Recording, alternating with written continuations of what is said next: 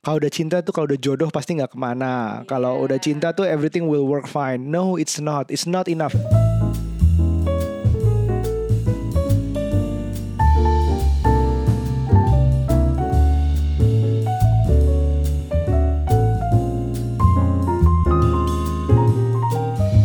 Hey Bu, Hai Bapak.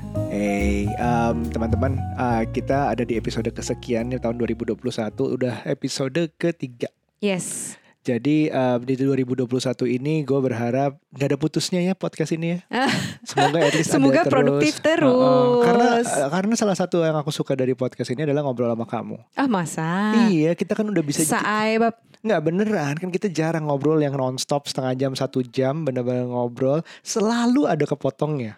Iya Kalau lagi rekaman podcast kan nggak bisa kepotong. Ya, Bisa atau- bisa atau- diedit. bisa bisa. Tapi kan kita jarang editnya gitu. Jadi kita gue menikmati banget lah rekaman podcast ini. Jadi harus dirutinkan ya bu ya? Ya semoga. Semoga serutin aku baca buku akhir-akhir ini. iya. Nah em, ini nih Nucha nih hebat banget lagi suka baca buku dan kemarin kita udah review bukunya uh, Elizabeth Day Mhm. yang judulnya ada filosofi nah sekarang em, ada buku yang udah sebenarnya udah lama dibaca sama kamu ya Iya, Namanya ya akhir apa? tahun kemarin 2020 lah ya. Mhm. Ini sebenarnya bukunya Gary Chapman yang kita kenal dengan buku Love beliau Languages. Ah, Love Languages. Jadi kalau ada yang tahu juga dan mungkin pernah ikutan tesnya, Mm-mm. ada di websitenya tuh fivelovelanguages.com kalau Iya, nggak salah. iya, ha-ha. Dan itu dari buku gitu kan, dari Iya. bukunya Gary Chapman dan beliau juga nulis buku ini nih sekarang tentang things I wish I'd known before we got married. Nah, Iya, jadi mungkin kalau sebelumnya kalau mau melanjutkan uh, episode ini jangan lupa juga dengerin episode kita yang ngomongin tentang soal I wish I know gitu kan Iya. sebelum menikah, sebelum Benar. sekarang gitu. Pokoknya masa-masa muda kita Iya, deh. Iya, terus ada hubungannya juga kita juga pernah ngobrolin five love languages juga gitu. Mhm. Jadi, uh, kalau udah jadi denger nyambung itu, nih jadi nyambung kayak episode semuanya. kali ini,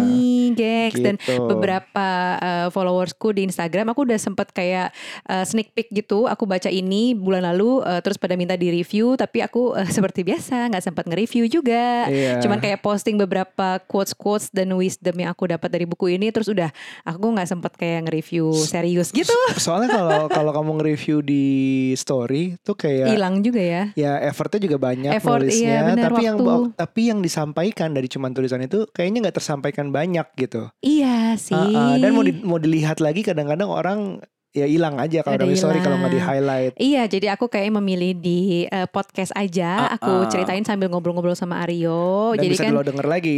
Iya, benar gitu. Nah, dari buku ini, Hmm. ini menurutku one of eh, the best buku juga yang aku baca sepanjang tahun 2020 karena Hmm. emang nggak banyak. Mm-mm. Tapi eh, aku suka karena kalau baca di dalamnya sebenarnya kayak ah gue juga udah tahu ini kan kita Ah, udah ah. nikah ya jadi Iya. udah tahu.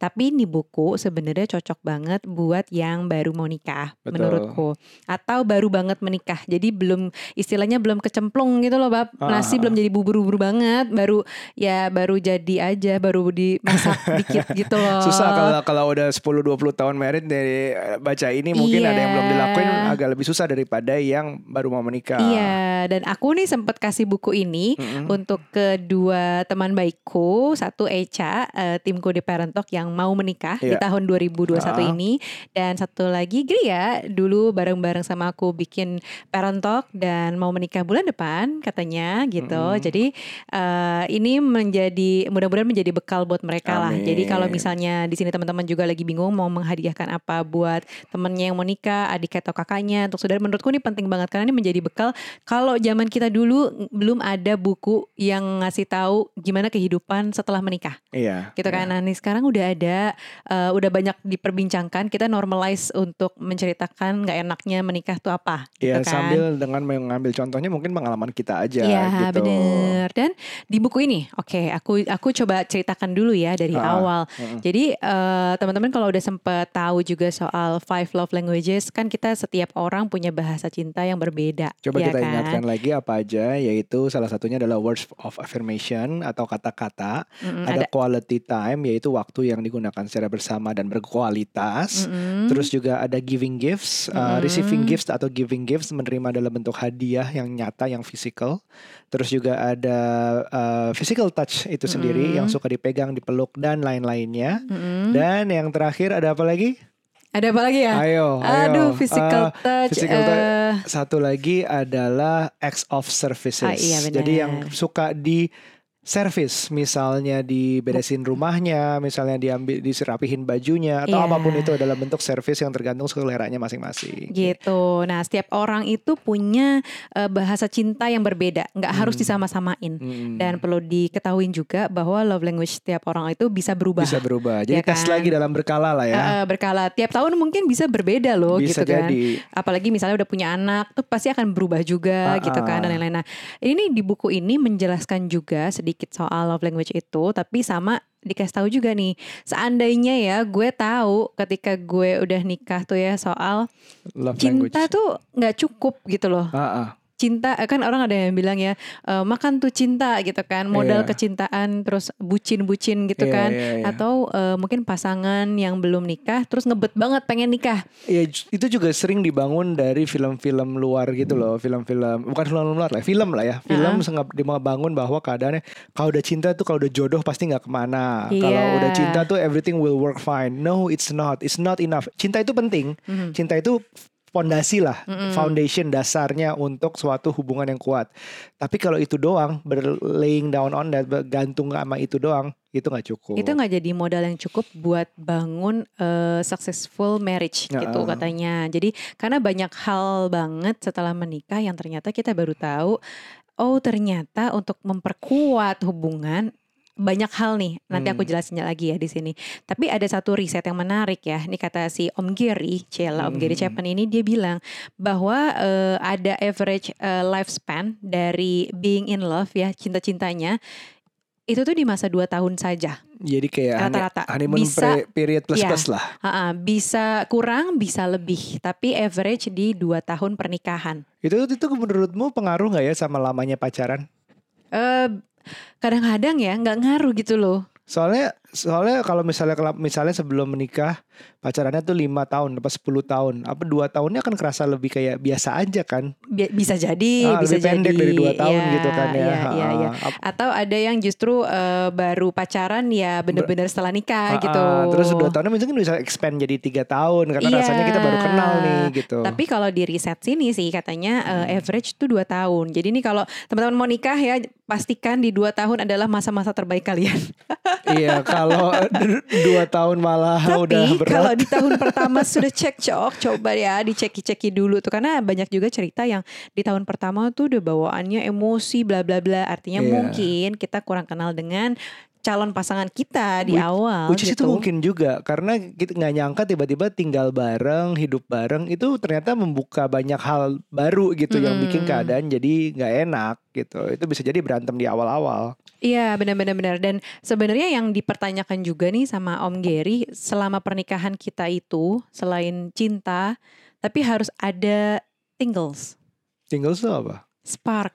Oh iya. Kalau kata film Tapi Soul. di di itu kan nggak setiap iya. saat ada, ya Iya, nggak sih? Tapi iya maksudnya susah mendefinisikannya seperti Iya, apa gitu eh, kayak butterfly ah, apa, apa ya? namanya Iya, butterfly in your stomach Iya, segala iya, macam iya, iya. gitu-gitu. Ah, ah, tapi lo masih ada nggak sih itu sepanjang pernikahan lo kayak rasanya tuh waktu itu lo first date lo kayak apa?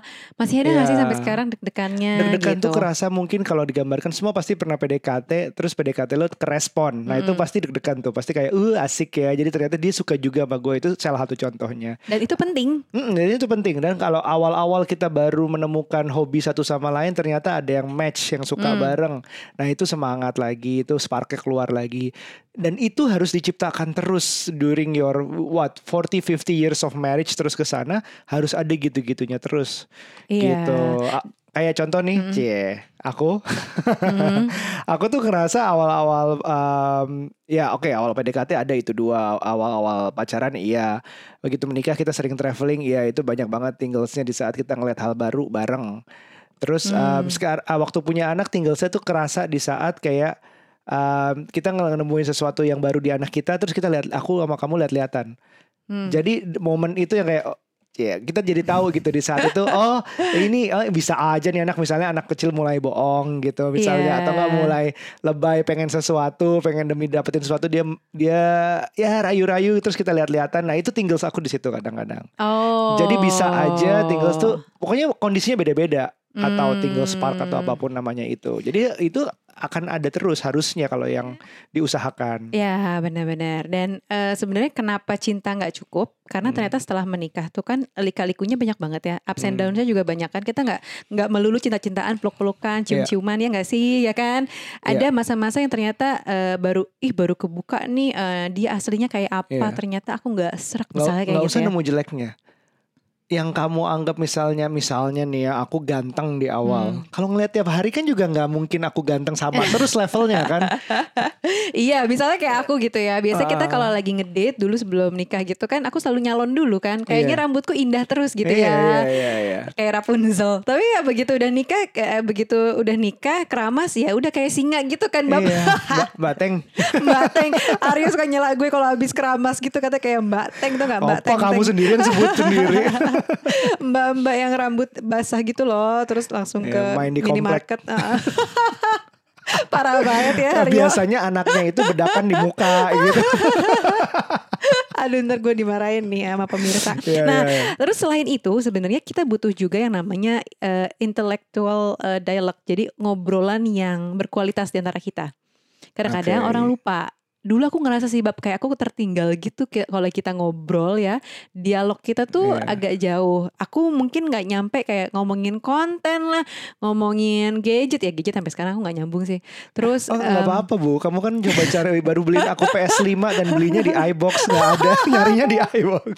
Terus tapi secara intelektual kayak nggak bisa catch up mungkin dulu kan aku sempet eh, setelah punya anak ini eh, pas program hamil punya anak aku nggak kerja kantoran kan Ah. terus eh, pertemananku juga terbatas gitu nggak yang sama yang nggak update banget lah sementara kamu kan kayak update banget masih ngantor waktu itu dan Iya, lain-lain terus iya. banyak acara diundang eh, acara event apalah eh, launching apa gitu kan. Kita tuh nggak nyambung gitu. Iya, karena iya. aku lebih banyak di rumah obrolanku ya seputar anak gitu kan. Dan Iya. kamu di luar sana dengan ada informasi inilah aku jadi kayak ah apa sih gitu? Iya, jadi iya, ya nggak nyambung. Tapi begitu aku udah bikin usaha sendiri eh, udah ngerti konten dan lain-lain kita ngomongin gosipin macem-macem tuh nyambung ya kan Iya, kayak gosipin agency media, gitu kan agency, oh gitu yang telat ngomongin bayar, eh brief ngomongin brief lah ngomongin klien KOL. KOL lain apa gitu jadi nyambung gitu kan karena Iya, iya. sefrekuensi. Nah itu ternyata penting banget gitu. Jadi jangan sampai kita tuh ketinggalan.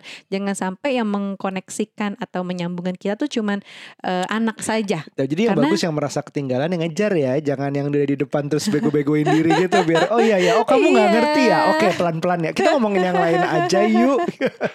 Karena kadang-kadang yakin deh aku juga eh, misalnya setelah menjadi istri gitu ya, terus kita punya kehidupan kita sendiri, kita suka nggak nyambung kerjaan suami apa sih? Tapi Iya. sebenarnya bisa untuk menyelami apa sih? eh, mungkin kita nggak usah menyelami pekerjaan suami itu apa, tapi detail. kayak hobinya kan masih ada interest lain yang bisa kita eh, pelajari dan Hmm. suami pun juga gitu pelajarin dong apa yang yang istri itu misalnya di rumah senengnya apalah yang iya. lagi hits tuh drakor apa lo coba dong ikutin nonton kayak nemenin kayak gitu jadi sama-sama nyambung di tengah-tengah gitu loh Untung punya kamu gak banyak-banyak banget drakornya Iya ya, pusing benar, aku benar, benar. nanti. Terus udah gitu kayak Hmm. emotional control ini, ini juga penting eh, untuk tahu di level mana lo marah, lo sedih, lo sensi, yang kayak gitu-gitu. Hmm. Coba deh di dikasih rating gitu ya, eh, apa namanya? Lo udah udah sama-sama paham belum sih emotional control pasangan lo tuh kayak apa? Aku tahu kamu pasti kalau um, grumpy di saat apa? Apa? Ngantuk. Iya asli grumpy Asli banget. lumayan. Orang ada yang Gitu. grampinya lapar nih, grampi grampinya ngantuk nih kalau Nucha nih. Eh, eh, jadi gue gampang banget marah kalau udah ngantuk gitu, sensi banget ya pokoknya marah. Nah Hmm. sama kayak social interest juga penting yang tadi tuh ya Wah. interest soal hobi kayak gitu-gitu tapi social interest juga temen.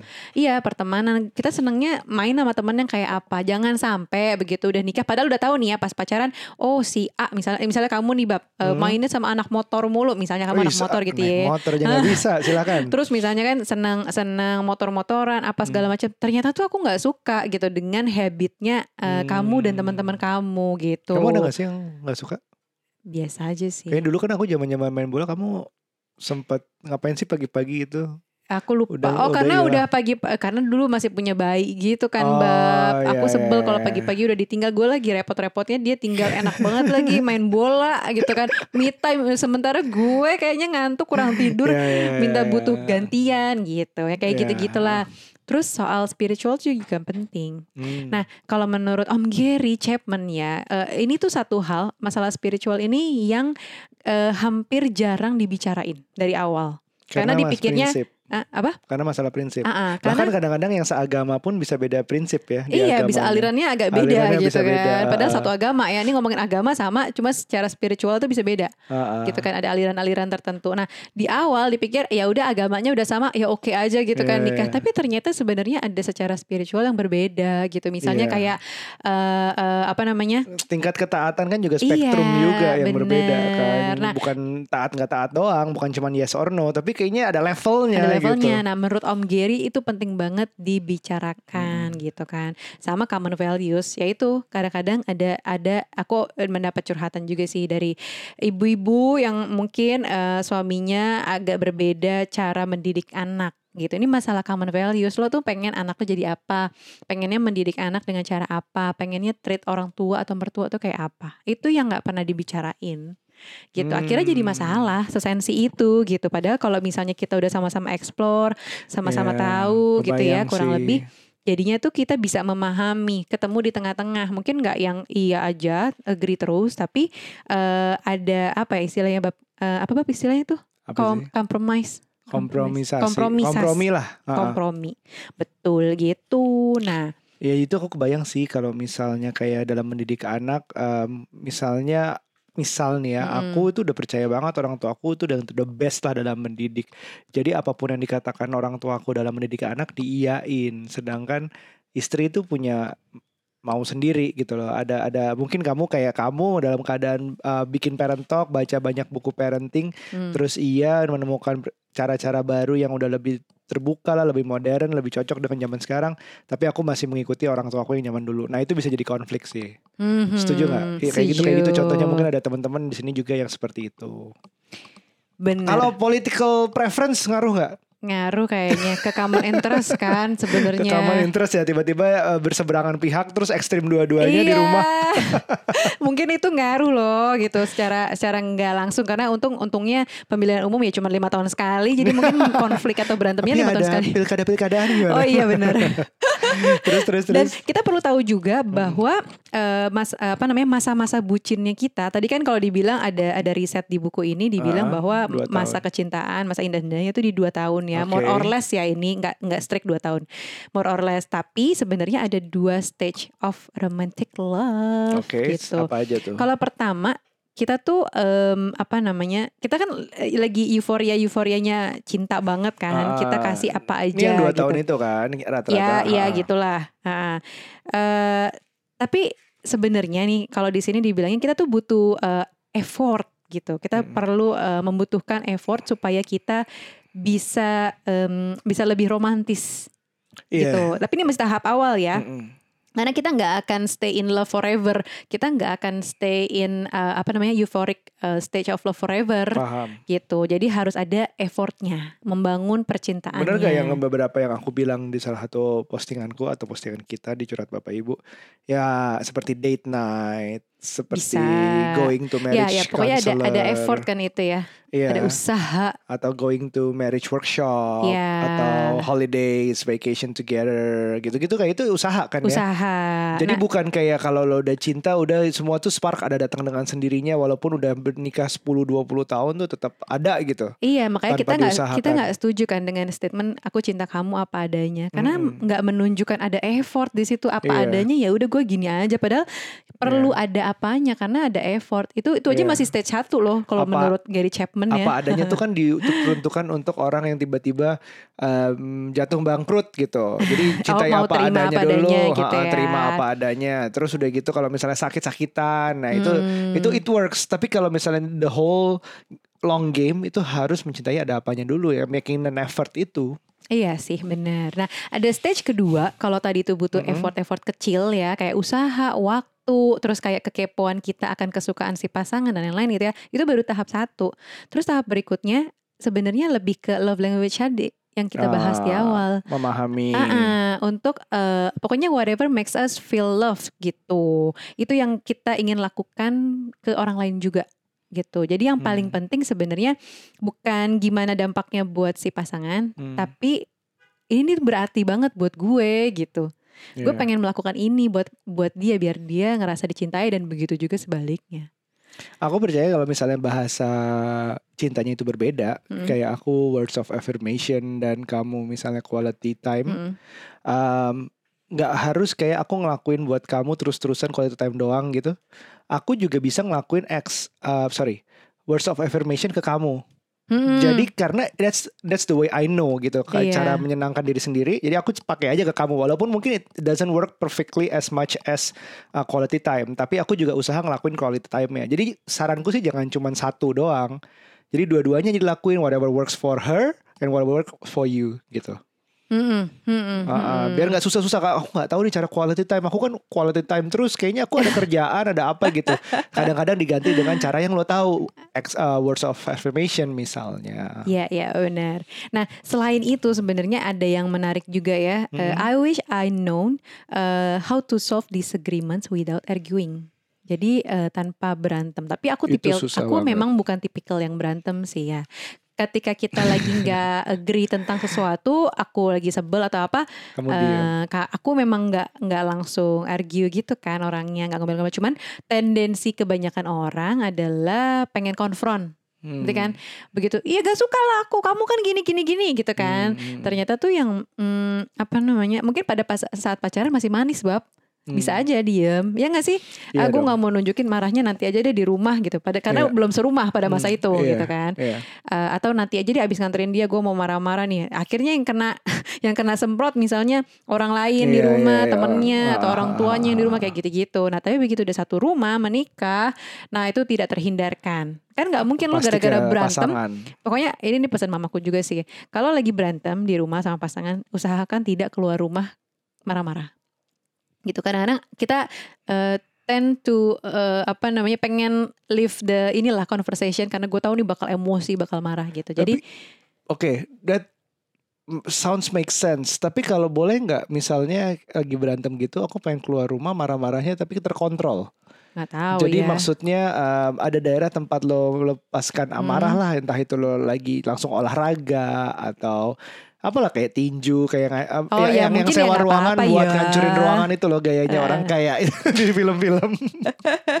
mungkin mungkin bisa aja sih nggak apa-apa kalau kayak gitu maksudnya tapi bukan yang kayak tiba-tiba kabur dari rumah bukan tiba-tiba lah ya kabur dari rumah atau mengasingkan diri dari rumah karena konflik Hmm. gitu kecuali memang secara baik-baik izin gue keluar dulu Iya, eh, minta iya. time out ya beda kan iya. tapi ketika lagi eh, apa ada, ada disagreements terus kita lagi argue terus lo keluar nah itu tuh yang sebaiknya tidak dilakukan Oke, jadi caranya dari Om Gary tentang gimana di solve a problem without arguing. Nah, dia tuh kasih beberapa tips yang sebenarnya gampang-gampang susah. Tapi buat kita udah 8 tahun nih, alhamdulillah Hmm. berantem ya ada lah. Tapi eh, aku cenderung nggak nggak konfront memang. Tapi baru nanti ya kita tembak-tembakin begitu udah tenang. Aku jadi jadi ngeri. Agak gimana gitu Eh, rasanya. dikasih tahu sama Om Gary caranya. Coba deh lo kasih waktu buat listen. Listen to your eh, partner pas lagi marah. Dan gantian. Jadi lo jadi lo nggak sama-sama dua-duanya menggonggong gitu loh pada saat marah. Lo kasih Kayaknya kita pernah kayak berantem, eh bukan berantem ya, kayak kamu nggak suka sesuatu, aku tahu nih kamu nggak suka, aku tahu nih kamu lagi dengerin aku lagi ngomong lagi cerita segala macam. Ah, Oke, tapi aku nunggu respon kamu, kamu kayaknya waktu itu nggak nggak respon-respon deh, diem aja. diem aja. jadi jadi maksudnya diemnya udah bener, Hmm. tapi abis giliran selesai silakan respon apa gitu. Iya, iya, iya. Mungkin beda-beda. Mungkin ini nggak harus praktikal Iya, makanya dilakukan. gampang-gampang susah Ah, ya. Gampang-gampang susah dilihat kondisinya juga gitu. Tapi ya sebaiknya eh, kasih waktu buat mendengarkan karena ya itu eh, untuk ngedengerin orang marah tuh atau kita justru diem pada saat kita lagi pengen menggonggong tuh nggak gampang. Mengontrol emosi kita pada saat lagi Iya. esmos banget kan susah Soalnya ya. paling kalau lagi emo- emosi itu larinya aku paling masuk akal paling aku lihat di film Marriage Story itu Hmm. yang si siapa namanya Scarlett Eh, Johansson si ya. ya Kylo Ren. Siapa yang jadi Sama- Kylo Ren? Iya iya iya Adam Eh, eh, eh, Adam Driver. Adam drivernya Ah, lagi marah-marah. Jadi marah-marahnya berantemnya mereka itu adalah eh, pokoknya gue pengen menang. Jadi Iya. gue pengen menang itu gue jatuhin lo dengan masalah yang gak ada hubungannya sama sekali sama yang lagi diomongin sekarang. Mm-mm. Bawa-bawa dulu gitu, bawa-bawa. Lu dulu juga biasanya juga suka ini, eh lari lagi ke sana, lari lagi ke sana, lari demi memenangkan conversation dan itu semakin makin lama diikutin makin gak sehat. Apalagi dua-duanya saling berusaha menjatuhkan. Itu yang Iya. itu yang aku dulu kerasa banget sih dulu berantem begitu. Tapi sebenarnya konflik tuh bukan berarti nggak boleh sama sekali ya. Jadi benar, benar. eh, konflik di sini juga disebutin eh, penting buat pasangan biar sama-sama tahu, biar sama-sama punya learning satu sama lain. Karena Hmm. kalau nggak kita nggak akan tahu karakternya si pasangan, kita nggak tahu maunya pasangan tuh apa dan nggak Hmm. tahu maunya kita tuh apa.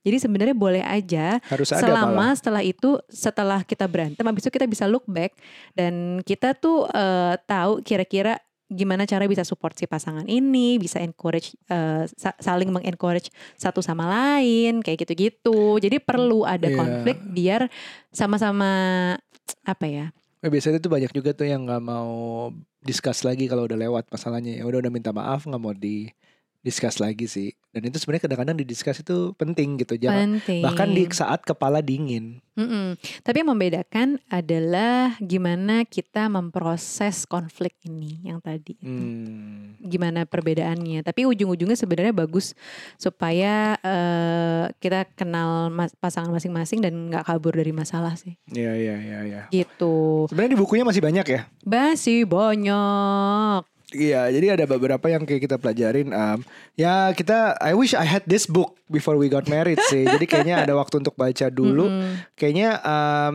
susah gitu.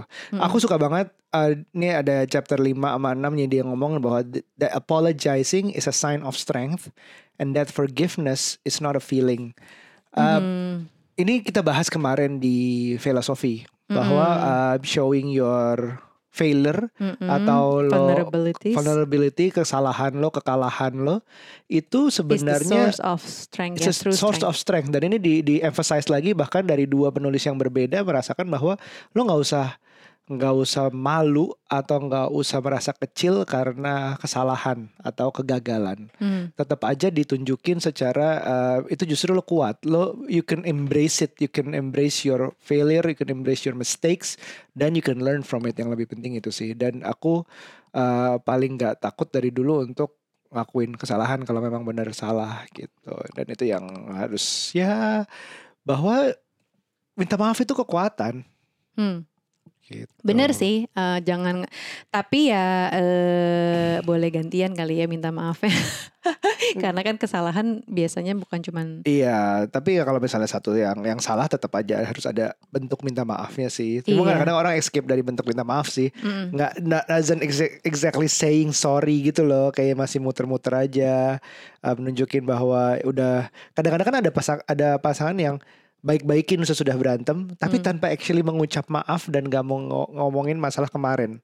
Iya. Tiba-tiba ngajakin ngedate, tiba-tiba uh, jalan aja gitu, terus manis-manis beliin sesuatu atau apalah berusaha baik tanpa mengucapkan maaf karena kesalahan kemarin. Nah itu menurutku bisa oke, tapi ke depannya bisa bahaya gitu. Kesalahannya terulang lagi karena dia mungkin agak setengah gengsi mencipta apa ngucapin mas maaf atau nggak sebenarnya belum mengakui bahwa dia salah kemarin cuman pengen Mhm. baikan kan ada juga yang kayak gitu kan Iya sih, ada juga yang kayak gitu. Nah, tapi perlu diketahui juga nih buat kita yang yang udah married sekalipun dan Mhm. kita menyadari sebenarnya potensi konflik itu Hmm. dari sesimpel si pasangan pengen punya anak, yang satu lagi misalnya belum pengen punya anak. Itu aja tuh udah jadi masalah. Bisa betul gitu betul. sesensitif itu apalagi masalah uang udah pasti Hmm. ya kan itu menjadi sumber masalah kalau kata si Om Hmm. Giri juga gitu dia menyebutkan menjabarkan nih beberapa permasalahan eh, di dalam rumah tangga kayak misalnya soal keuangan Financial, ha. mengatur keuangannya gimana terus sama ya sesimpel ngomongin soal eh, apa namanya SEX bukan Iya, iya seks juga ya, Ah, sexual, seks, eh, sexual fulfillment tuh juga dibahas Mm-mm. gitu kan di sini. Terus kebersihan di rumah dong, ternyata tuh jadi bisa jadi potensi konflik loh, sesimpel itu. Oh iya kita konflik kan di awal Eh, iya, one of benar, our benar, fights benar. adalah Kebersihan kabel-kabelku berantakan Benar, terus benar. kamu marah. iya, masalah kayak soal di sini di- diceritain pengalaman dia sama istrinya di mana pokoknya salah satu dari mereka, oh dianya nih eh, si si Gary Chapman-nya justru kayak cuek soal toilets karena biasa di rumahnya itu dibersihkan. Mm-mm. udah ada yang ngebersihin, udah ada cleaner eh, dan lain-lain gitu. Tapi begitu menikah, ternyata eh, dia merasa oh ini harusnya dibersihin sama istrinya. Kayak asumsi gitu loh. Ini Hmm. harusnya dibersihin dong sama istrinya. Tapi menurut istrinya ya enggak. Ya itu urusan sendiri. ya lu Ya, kayak sendiri. Klasik gantung anduk, eh, meja apa Iya, lemari berantakan, mm, mm, kayak gitu kan. gitu-gitulah. Kenapa sih kayak Aryo juga gitu lah. Kalau setiap kali habis ambil baju dari dari tumpukan apa namanya di lemari, kenapa sih nggak dirapihin lagi? Iya, cuman kayak dan aku gitu. berterima kasih sama anak-anakku karena dengan anak-anakku ada kamu sedikit lebih cuek daripada dulu. dulu lebih wow banget ini. Aryo aja dulu pulang kantornya nggak gue bolehin duduk di sofa atau nggak. Tapi Hmm. bener kan sekarang begitu udah covid nih emang nggak boleh langsung Iya, ke iya, sofa iya, harus iya, mandi iya. dulu itu udah paling iya, benar. baik, baik, baik. Gitu jadi masalah kebersihan di rumah tuh aja penting karena kalau nggak jadi konflik apalagi kalau mendem-mendem ih di dia kok uh, clean freak banget sih gitu kan. Atau yang- Pertanyaan, Mm-mm. um, kalau misalnya ini kan masalah ketidakcocokan bukan salah bener dong. Iya. Jadi sebenarnya si Gary itu juga bener bahwa um, ya memang di rumahnya lo udah jelas di rumahnya gua waktu itu ada yang bersihin Mm-mm, gitu. Emang kan bersih juga akhirnya ada yang bersihin gitu loh. Atau misalnya uh, salah satu masalah yang dibahas sama Gary tentang dia itu biasanya pengennya istrinya bangun pagi, jalan pagi lah atau sarapan atau apa. Mm-mm, Sedangkan mm-mm. istrinya tuh orang malam. Jadi early bird versus night owl lah ya Mm-mm. yang mu- dapat meaningful conversation kalau malam. Nah itu kan kayak karakter orang yang berbeda, bukan Gary bener atau istrinya salah atau sebaliknya. Menurut kamu gimana kalau kayak gitu? Iya, memang. ka- tapi ini menjadi potensi masalah. Salah satunya dari hal apa namanya eh, personality. Ini Mm-mm. jadi salah satu ya. Eh, kalau pacaran ini nggak dihitung ya, karena kadang-kadang kita nggak tahu. Apalagi mungkin kita suka kayak sugar coating diri kita sendiri ke, pa- ke pasangan kita kan sebelum menikah. Tapi begitu udah nikah apa adanya bareng dan ternyata gue tuh expect lo untuk lo eh, di sini ada cerita itu kayak cerita kliennya dia deh, bukan bukan si Hmm. Gary-nya. Cerita kliennya eh, Gary Chapman bahwa si suami itu morning person kayak tadi kamu cerita. Mm-mm. pengennya sarapan bareng ngobrol kerja bareng sampai sore gitu kan. Terus malamnya dinner.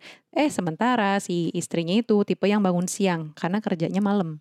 Oke. kan nggak cocok. Bukan masalah nggak cocok terus jadi berantem. Tapi kan kayak I wish I known eh, bahwa di mas di awal pernikahan tuh kita sama-sama ma- bisa memahami dan nggak apa-apa dengan perbedaan karakter ini kan yang jadi masalah ketika itu jadi rutinitas setelah menikah lah kok dia gini sih dan nggak mau berubah lagi tapi nggak pernah dibahas jadi ngerti nggak knowing is winning half the battle gitu ya. Iya. Ekspektasi kepala lo jadi udah lebih ke ya dia emang gitu. Oke, sekarang kita solve it gitu. Bukan kayak kaget dulu. Oh ternyata dia gitu. Aduh gitu Mm-mm. gitu loh. Karena masalah ekspektasi, berarti kan tadi kayak kliennya eh, Gary Chapman ini dia menceritakan bahwa gue tuh pengennya breakfast bareng sama istri gue, Mm-mm. tapi istri gue bangunnya siang. Which is ya, balik lagi dua-duanya nggak ada yang salah nggak ada yang Nggak ada yang benar. salah, Ah, benar. Cocok-cocokan. Tapi memang dengan perbedaan personality ini penting banget dibahas dari awal Hmm. gitu. Eh, ya kalaupun misalnya personalitinya berubah ya seiring berjalan kayak misalnya apalagi udah punya anak ya kadang-kadang ibu-ibu jadi night owl juga Bisa. karena eh, apa namanya eh, sambil eh, ada yang sambil mompa, ada yang sambil jadinya sekalian kerja aja biar nggak ngantuk Hmm. malam gitu kan. Sementara pagi suaminya kerja eh, berharap disiapin sarapan tapi istrinya nggak bangun ya iyalah Iya, ya iya, ngantuk kan iya, capek baru iya. punya bayi misalnya kayak gitu. Nah itu mungkin yang perlu disampaikan aja atau sama-sama Mm. eh, kompromi bahwa ya udah ini masa-masa yang memang bakal kita laluin kan misalnya kayak ya paling kayak gini eh, apa namanya ya selama kita nyusuin anak aja Ya, gitu nggak harus punya anak juga bisa kayak eh, apa namanya perubahan karir suaminya atau per istrinya tiba-tiba harus kerja malam, tiba-tiba harus kerja luar kota, kan udah eh, kayak beda lagi tuh. It changes the game gitu loh, it changes the Iya. behavior of the Malah aku marriage. juga lihat sih ada yang lagi kuliah, yang istrinya lagi kuliah, eh, kuliahnya mengikuti jam di US, jadi Hmm. kuliahnya baru malam, jam Bisa. 10 malam sampai pagi. Bisa. Nah, sementara si suami berarti artinya harus pagi-pagi yang megang anak-anaknya Iya. karena istrinya nah, ganti itu, tidur. Itu Nah, pengabdian yang harus dilakukan Iya, sih. itu pasti kan ada ada apa ya kompromi, terus ada pengorbanan salah satu. Betul. Tapi kalau pengorbanan kenapa Bab? Kemarin kayaknya sempat kita Iya, bahas deh. Bu Rani jangan bilang eh, sebaiknya Iya. jangan sebutnya itu pengorbanan, lebih Karena seolah-olah apa Bab? Soalnya ada yang dikorbankan, ada yang dirugikan pengorbanan Oke. itu. Tapi kalau misalnya pengabdian adalah ini untuk jangka panjang yang lebih baik gitu. Gue mengabdi untuk pernikahan ini.